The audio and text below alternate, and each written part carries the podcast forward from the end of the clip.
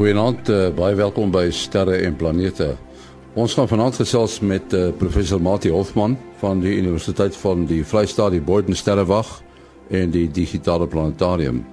Oude gewoonte is Kobus Olkers weer gereed om te gesels oor ruimte weer.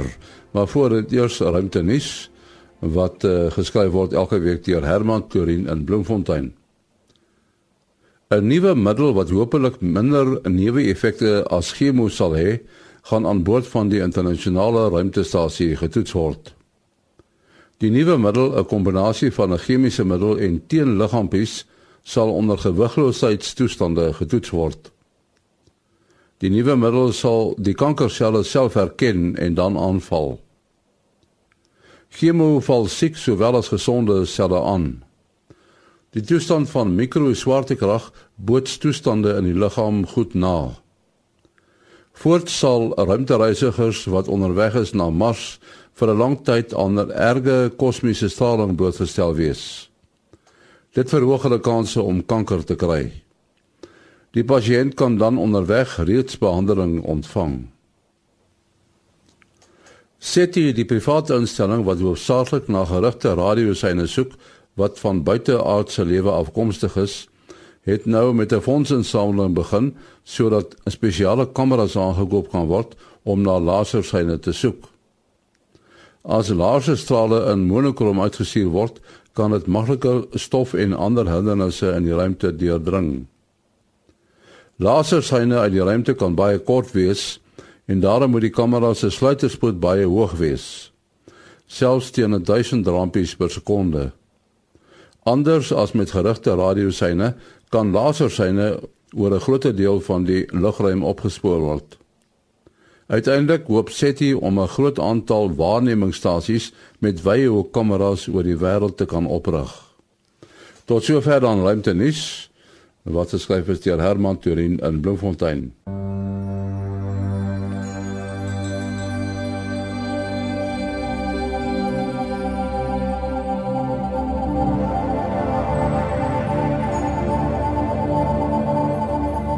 Jupiter en Saturnus, twee van die aanskoulikste planete om deur 'n teleskoop te sien. Kom kyk saam met ons daarna op Vrydag 18 Augustus by die Lariba Hotel in Centurion, Pretoria. Ek self sal daar wees saam met professor Mati Hofman, asook dokter Japie van Sail per Skype-verbinding by die Jet Propulsion Laboratory in die VSA. Skakel 012 660 3300 012 660 om te bespreek. Onthou sterre en planete by die Lariba Hotel op Vrydag 18 Augustus.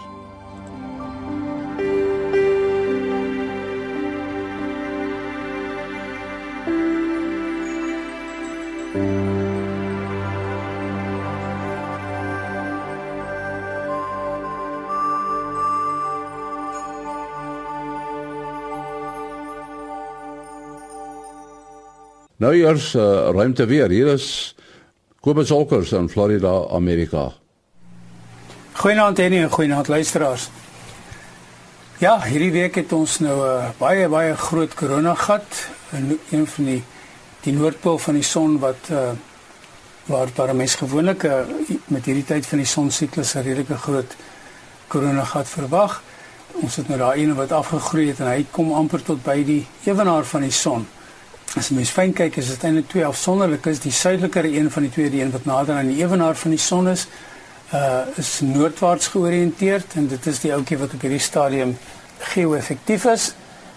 En die feit dat hy noordwaarts georiënteerd is relatief tot die aarde se magnetveld sê vir ons dat ons nie veel probleme gaan verwag kan verwag van enige magnetiese versteurings nie. Die enigste mense wat wat die verskil gaan agterkom is ons uh langafstand kortgolf gebruikers hulle gaan agterkom dat hulle frekwensies 'n uh, bietjie van gaan verander. En dan as ons kyk na filamente, is daar bitter min uh aan die gang. Die wat enigstens interessant lyk is besig om van die son af te draai. So geen probleme daar nie. As ek kyk na na die die stereo beeld uh wat ons twee stereo satelliete vir ons terugstuur saam met die SDO satelliet, dan lyk dit vir my asof daar nog 'n korona gaatjie op pad is. Uh hy sal eers teen Vrydag se koers enige uh, invloed hê.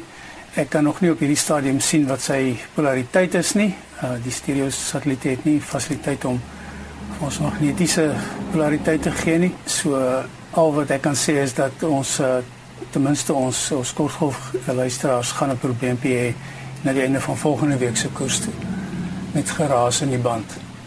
Dan wat uh, sonvlekke aanbetref, is daar nie enkelte ene nie. As jy mens nou op die magnetogram gaan kyk, dan sal jy sien daar is hier en daar ietsie wat so effe na kompleksiteit probeer lyk, 'n diepeltjie hier en daar. Ehm uh, maar ons het ons het absoluut niks op die kant van die son wat wat na die aarde toe kyk op hierdie stadium van die geveg nie. Uh so wat enige uitbarsings aanbetref, omdat ons nie filamente het nie en nie en nie uh sonvlekke, maar groot magnetiese versteurings nie, uh geen probleme met GPS'e en met elektrisiteit of internet of enige so iets hierdie week voorspel nie. Dankie Kobus Olkers. Ja, ons span is uh, weer gereed hier in sterre en planete en uh, ons wil so 'n bietjie gesels oor vreemde seine uit die ruimte. Nou onlangs het dit uh Mati weer bekend geword dat 'n uh, vreemde sein ontvang is van 'n uh, nabygeleë ster, dink is 11 ligjaar weg. Uh weet jy iets meer daarvan? Uh en ja, daar uh, die mense kyk mos nou maar by verskillende teleskope uh na die hele spektrum van seine wat uit die ruimte uitkom, sigbare lig wat mense nou maar met uh, gewone optiese teleskope assosieer is maar 'n uh, vorm van inligting wat ons uit die ruimte uitkry. Ehm um, maar dan het ons die radioteleskope en die te radioteleskoop wat nou ter sprake is is die uh, reuse Arecibo radioteleskoop in uh Suid-Amerika. Baie mense sal hom dalk ken as uh uh die groot teleskoop of radioskottel. Hy so in 'n heuwel in 'n kom in 'n heuwel uh, geleë wat in een van die James Bond films gefigureer het. Maar in geval met hierdie teleskoop het hulle dan nou vreemde radioseine waargeneem wat kom vanaf 'n nabygeleë in kosmiese terme 'n rooi dwergster uh, met die naam Ross 128 wat is krale 11 ligjare vanaf die aarde is. Nou die naaste ster aan ons is ook 'n rooi dwerg, dit is Proxima Centauri, uh, so in die omgewing van 4 ligjare. Nou rooi dwerge is eintlik 'n baie volop tipe ster. Hulle beraam dat 3 uh, kwart van die sterre in ons uh Melkweg is rooi dwerge. En van die uh ongeveer ja, van die 60 naaste sterre is ongeveer 50 rooi dwerge. Maar hulle is baie dof, so dis nie sterre wat mens met die blote oog eintlik uh eintlik sien nie. Goed, uh hierdie hierdie sein, ons praat van 'n 'n radio sein. Ek dink as mense dink aan aan radio, dan dink hulle aan jy weet die klank wat 'n mens nou oor 'n radio hoor, maar dit is dan eintlik fyn syne wat uh deur uh so 'n groot teleskoop soos die Arecibo antenna ontvang word. Maar ehm uh, hierdie uh radiosyne is redelik volop in die ruimte, né? Ja, dis hoekom daar iets soos radiosterrekunde is. Ehm uh, jy moet onthou uh, voorwerpe of dit nou sterre is en of dit sterrestelsels of gravitasiekolke is, stuur uh golwe in die hele spektrum van die elektromagnetiese golwe uit.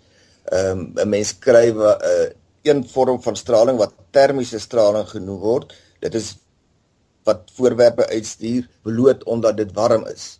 Uh nou 'n voorwerp uh wat by kamertemperatuur is, uh, hitte straling kan mens nie sien nie. Jy kan dit dan met 'n infrarooi kamera sien. Uh as voorwerpe warm genoeg gemaak word, byvoorbeeld in 'n vuur, uh soos metaal wat jy wil warm maak voor jy dit smee, dan kan jy dit rooi warm maak. Uh jy kan dit uiteindelik blou warm maak. Maar uh so warm voorwerp straal nie net een uh, golflengte uit nie. Dit bloot dit die kleur wat hy aanneem, sy is uh, die uh, maksimum helderheid van sy hittestraling hang maar saam met sy temperatuur. Maar dan kry mens nie termiese straling wat uh, 'n hele verskeidenheid kan uh, kan uh, aanneem en dit gaan oor bepaalde prosesse wat wat plaasvind. Jy kry die hoë energie prosesse ehm um, waar byvoorbeeld materiaal uh inval op uh op neutronsterre uh dan kry jy nie termiese uh uh, prosesse wat straling genereer in die ekstrale en die gamma straalgebiede en aan die ander kant van die golflengte met ander woorde uh uh laer in frekwensie as as rooi lig sê jy nou eers infrarooi kry en dan kry jy die mikrogolwe en dan kry jy die radio uh, golwe. Die radiogolwe se golflengtes is in die orde van uh sê nou maar sentimeters tot tot baie meters of selfs kilometers. Ehm um, nou die ding wat mens opgewonde maak oor radiogolwe is wel dit was ons eerste vorm van langafstand kommunikasie op die aarde was radiogolwe. En een van die redes, nou nie die belangrikste rede nie, hoekom die mense na radiogolwe uit die ruimte uit uh luister as ons dit so kan noem, is die uh, sogenaamde SETI uh projekte, Search for Extraterrestrial Intelligence. Nou in hierdie geval van ROS 128 is hulle eintlik besig gewees om hierdie bepaalde rooi dwerg as deel van 'n groot projek om rooi dwerge beter te probeer verstaan, uh om te kan kyk wat kan hulle wys word oor uh planete in daardie stelsels, juis omdat die rooi dwerge so volop is. En ons weet reeds dat daar voorbeelde is van sulke rooi dwerge wat planete het. Ons kan net aan 'n onlangse ontdekking van die sogenaamde TRAPPIST-1 stelsel uh dink En nou dis 'n rooi dwergster van ongeveer 40 ligjare. Ehm um, waar ek moet nou reg onthou ek dink daar is sewe eksoplanete waarvan 'n hele paar in die sogenaamde bewoonbare sone is. Maar wel terwyl hulle dan nou gekyk het na die radio-uitsendings van Ros 128 het hulle 'n bepaalde tipe uitstraling gesien wat nie op hierdie stadium in die uh, bestaande kennis van uh tipe radiogolwe wat mense van sulke stelsels verwag wat nie daarbey inpas nie. Uh dit gaan maar daaroor dat dit relatief hoë frekwensie radiogolwe is uh wat in breë bande, 'n paar breë bande uitgestraal word uh wat redelik intens is en wat nie uh, baie konstant is nie. So dit is nie iets wat hulle met die bestaande meganismes van prosesse wat plaasvind by sulke sterre kan verklaar nie. So om dit te gaan assosieer met een of ander vorm wat met ons probeer kommunikeer is baie laag op die lys van moontlike verklaringe want as ons nou uh, sou wou kommunikeer met ander beskawings dan gaan ons taamlik suiwer frekwensie probeer gebruik. Met ander woorde 'n nou band van frekwensies sodat jy die energie nie te wyd versprei nie en dit die waarneming daarvan baie makliker sal maak, maar dis in elk geval iets wat hulle op die stadium uh, uitsluit nie. Ja, ek dink die die uh, klanke wat ons onder meer in ons uh, kenwysie gebruik, die kom ook sogenaamd van uh, sterre af, maar dit is uh, om dit nou so uit te druk vertaalde klanke, nê, nee, sodat die mense dit kan hoor. Uh ja, kyk, 'n mens kan glad nie direk radiogolwe hoor nie. Uh dit jy het 'n ontvanger nodig met 'n antenna en dan dan uh wat daardie bepaalde golflengtes uh, dan transponeer na akoestiese of klankgolwe met heeltemal ander frekwensies. Ehm um, maar daar's 'n direkte verband. As die een se frekwensie varieer, die radiogolf se frekwensie, dan sal jy die die akoestiese frekwensie dienooreenkomstig varieer. Behalwe as jy nou uh ja, dit hang nou af hoe jy jou, inligting kodeer. Ja, as jy nou digitale tegnologie gebruik, dan werk dit nou nie uh nou nie so nie. Maar in elk geval uh, ons ore hoor uh, klankgolwe wat blootdrukgolwe in die atmosfeer is. Dit is 'n totaal ander soort golf as 'n uh, elektromagnetiese golwe. Ja, ons het gesê dat hierdie uh, uh hierdie ster is so 11 ligjaar weg en uh, Proxima is nou net so oor die 4 ligjaar weg. Hierdie afstande in die ruimte, dit, dit is tog interessant. Uh, wat vir my nogal uh eintlik indrukwekkend is, is dat as 'n mens nou die naghemel opkyk en jy kyk na die Andromeda galaksie, nou dit is 'n ander sterrestelsel. Dan kyk jy eintlik na lig wat so 2,4 miljoen ligjaar weg is van daardie uh, galaksie af. Uh, wat vir my wonderbaarlik is is dat 'n mens dit met jou oog kan sien. Ja, dit is omdat daardie voorwerpe so geweldig helder is. As ons nou gaan kyk, dink aan Beta Centauri, uh wat nou die tweede helderste van die Suiderkruis se twee wyse sterre is, hy's 300 ligjare ver. So Uh, dit is baie verder as Alpha uh, Centauri, maar nogtans lyk hy amper so helder wat beteken dat in werklikheid hy baie baie helderder as Alpha Centauri is. So hoe helder 'n voorwerp lyk is 'n kombinasie van hoe helder hy regtig is uh, en van sy van sy afstand.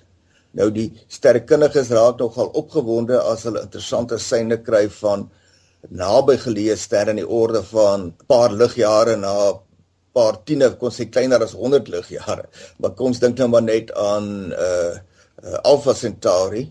Uh elke ligjaar is 10 miljoen miljoen kilometer. So Alpha Centauri is 40 miljoen miljoen kilometer.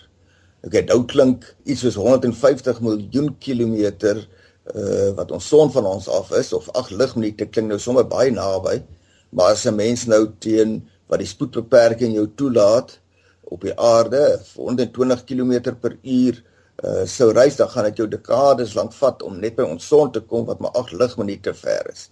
Uh so alhoewel ons nou opgewonde kan raak oor uh eksoplanete om sterre in die orde van tiende van ligjare is dit uh tegnologies op hierdie stadium heeltemal onmoontlik om te kan dink aan bemande sendinge so te stuur. Ek meen selfs Mars wat hier in ons eie sonnestelsel is, is 'n geweldige tegniese uit, uitdaging, maar uh, ten spyte daarvan droom die mense wel daaroor om 'n uh, een of ander vorm van tuigie baie klein na naby geleë leë sterre te kan stuur om ten minste inligting te kan terug uh, terugstuur. Nou daar's verskeie konsepte uh hoe om dit te doen. 'n Tipiese voorstel is om 'n uh, klein tuig van 'n paar gram met 'n geweldige ligte seil van 'n uh, so draad net te maak en dan moet hy soos 'n seilskip deur die sonwind versnel word. Nou ja, dis nou maar futuristiese denke. Maar ons weet in die wetenskap en die tegnologie moet ons nie maklik die woord nooit gebruik nie. Ehm um, oor uh, eh, 50 jaar lag hulle dalk vir ons oor wat ons gedink het moeilik gaan wees. Ja, uh, ons interpretasie van afstande is tog interessant. Uh, die son is 150 miljoen kilometer weg. En dit is nou in ons eie sonnestelsel, maar dit lyk vir my die ouens gebruik nou ook 'n ander eenheid, die astronomiese eenheid. Uh, ek dink een astronomiese eenheid is eenmal die afstand tussen ons en die son, nê? Nee. Ja, ja, een astronomiese eenheid is dan nou 150 miljoen, eh, miljoen kilometer of 8 ligminute en is 'n baie gerieflike eenheid om afstande in ons sonnestelsel te meet. Ehm um, as ons nou 'n uh, so 'n paar afstande noem, uh, Jupiter is byvoorbeeld net so oor die uh, ongeveer 5 astronomiese eenhede, Saturnus ongeveer 10 astronomiese eenhede en dan okay so Saturnus dan is dit Uranus dan ongeveer 20 uh ek rond natuurlik nou af maar dis 'n maklike manier om daai getalle te onthou. Nou as ons nou daar na die Kuiperbelt toe gaan, uh dan begin ons nou hierso op die buitewyke uh, van die van die sonnestelsel weet van 50 astronomiese eenhede uh praat. Ehm um, die oortwolk wat nog nie direk waargeneem is nie, maar daar sterk aanduidings uit veral uh, komete wat ons besoek dat dit werklik bestaan.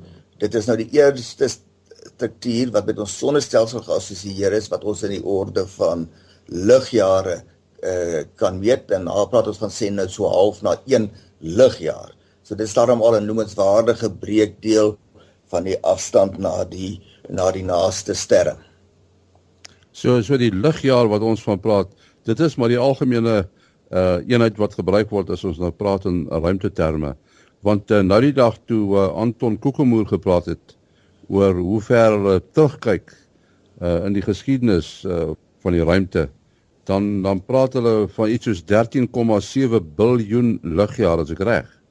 Uh ja, nee so so sodra ons ons lokale omgewing van sterre verlaat en ons begin nou die struktuur van ons eie melkweg raak sien, dan begin ons nou van duisende ligjare praat. Uh, ons eie uh, sterrestelsel is oor sy skuif as ons nou oh, hy mos nou die vorm van 'n diskus as ons die deursnee van die diskus sou meet, die diskusvorm, dan sit ongeveer 100 000 ligjare wat tipies van gemiddelde grootte sterrestelsels is.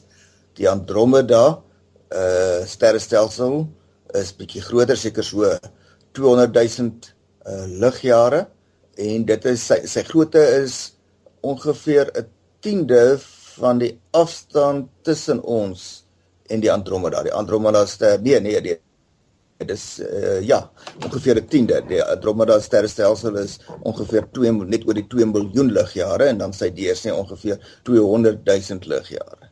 Maar as mens nou begin verder weg beweeg en jy begin belangstel in die samehang van die strukture waarvolgens die sterrestelsels versprei is, weet die kosmiese web wat so saalsponsagtig is. Uh dan raak dit toelaatbaar in die modelle om hierdie enorme sterrestelsels as punte te te gaan benader. Uh so iets wat baie baie baie groter is as ons eie sonnestelsel is op die kosmiese skaal amper soos 'n 'n punt. As jy nou daardie diagramme sal gaan kyk, dan word dit net so met ligpunte uh voorgestel. So as jy dan in die interaksie tussen sterrestelsels op ver afstande belangstel, dan kan jy hulle as uh punte benader. As hulle naby genoeg aan mekaar kom, dan raak hulle grootte in vergelyking met hulle afstand uh belangrik, uh, veral natuurlik as hulle dan nou 'n botsing sou ondergaan en dit is iets wat al uh, baie male in die in die heelal plaasgevind het. Om die waarheid te sê dat heel waarskynlik al klein sterrestelsels met ons eie melkweg gebots en is in ons melkweg opgeneem. Ehm uh, dit lyk of ons eie melkweg ook materiaal van die twee klein melkweggies of sterrestelsels hier naby ons, uh die groot en klein Magellaanse wolke uh besig is om dit oor te neem om dit te steel. Ehm um, en dan is daar ook aanduidings dat oor 'n paar biljoen jaar ons melkweg en die Andromeda melkweg uh, uh gaan bots. Hierdie afstand wat hulle nou so gebruik, die 13,7 biljoen ligjaar. Dis natuurlik wat ons van weet, nê. Nee. Uh sodra daar nuwe instrumente is en nuwe insigte, kan dit veel verder teruggaan. Ja, hier nie, ons praat van die deursnee van die, die waargenome heelal. Nou die uh waargenome heelal word groter weens weens die uitdaging, die kosmiese uh uitdaging daarvan. Uh maar daarbenewens behalwe dat die heelal of die ruimte al meer en meer rek, is die deel van die uh van die heelal wat ons kan sien uh ook besig om groter te word bloot omdat daar meer tyd was vir lig om ons te be, uh, te bereik. So elke jaar kan ons 'n ligjaar verder sien. Ehm um, okay, nou moet mens gaan vra watter uh persentasie van die heelal jy kan sien. Weet niemand weet regtig hoe groot uh die heelal is nie want ons kan net praat oor die waargenome heelal. Omdat die uitdaging van die heelal stadiger as die spoed van lig is uh en die uh, waargenome heelal groei teen die spoed van lig is die uh deel van die heelal wat ons kan sien uh word groter elke jaar. Nie dat dit 'n vreeslike verskil maak nie.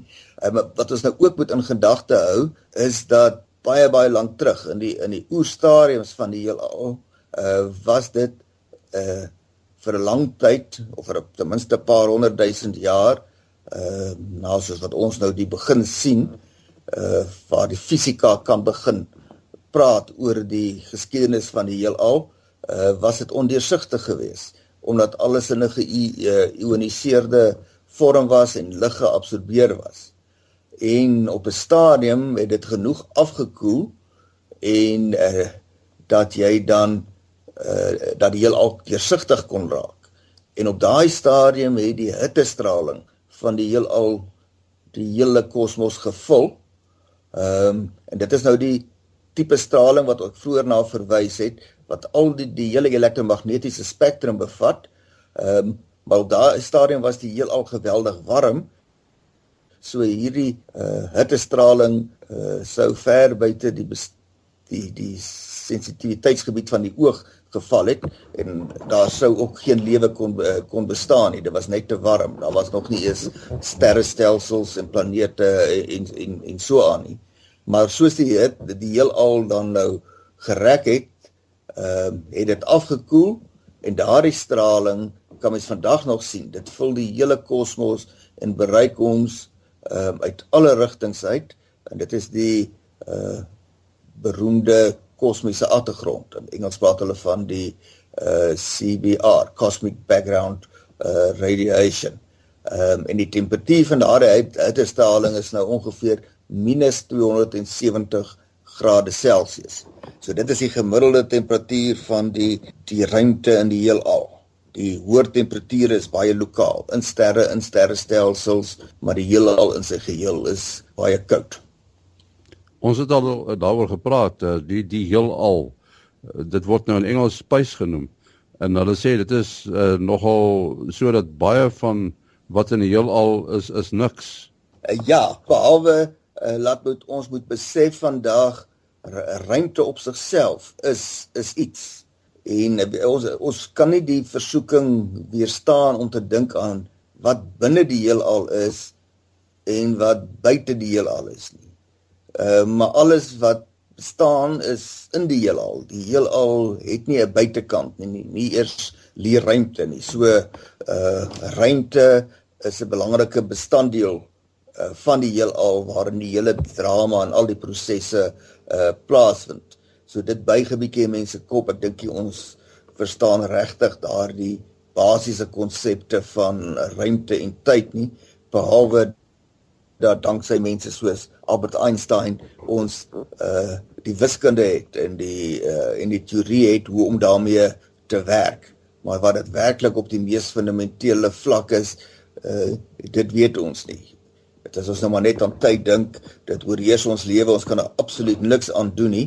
Ehm um, as mens nou gevra wat wat is tyd, dan moet mens soos Augustinus van oud sê, weet ek weet presies wat tyd is totdat iemand my vra en dan het ek geen idee uh hoe om dit verder te gaan beskryf nie. Dit is maar net iets wat basies aan ons gegee is en waaraan ons uh onderworpe is.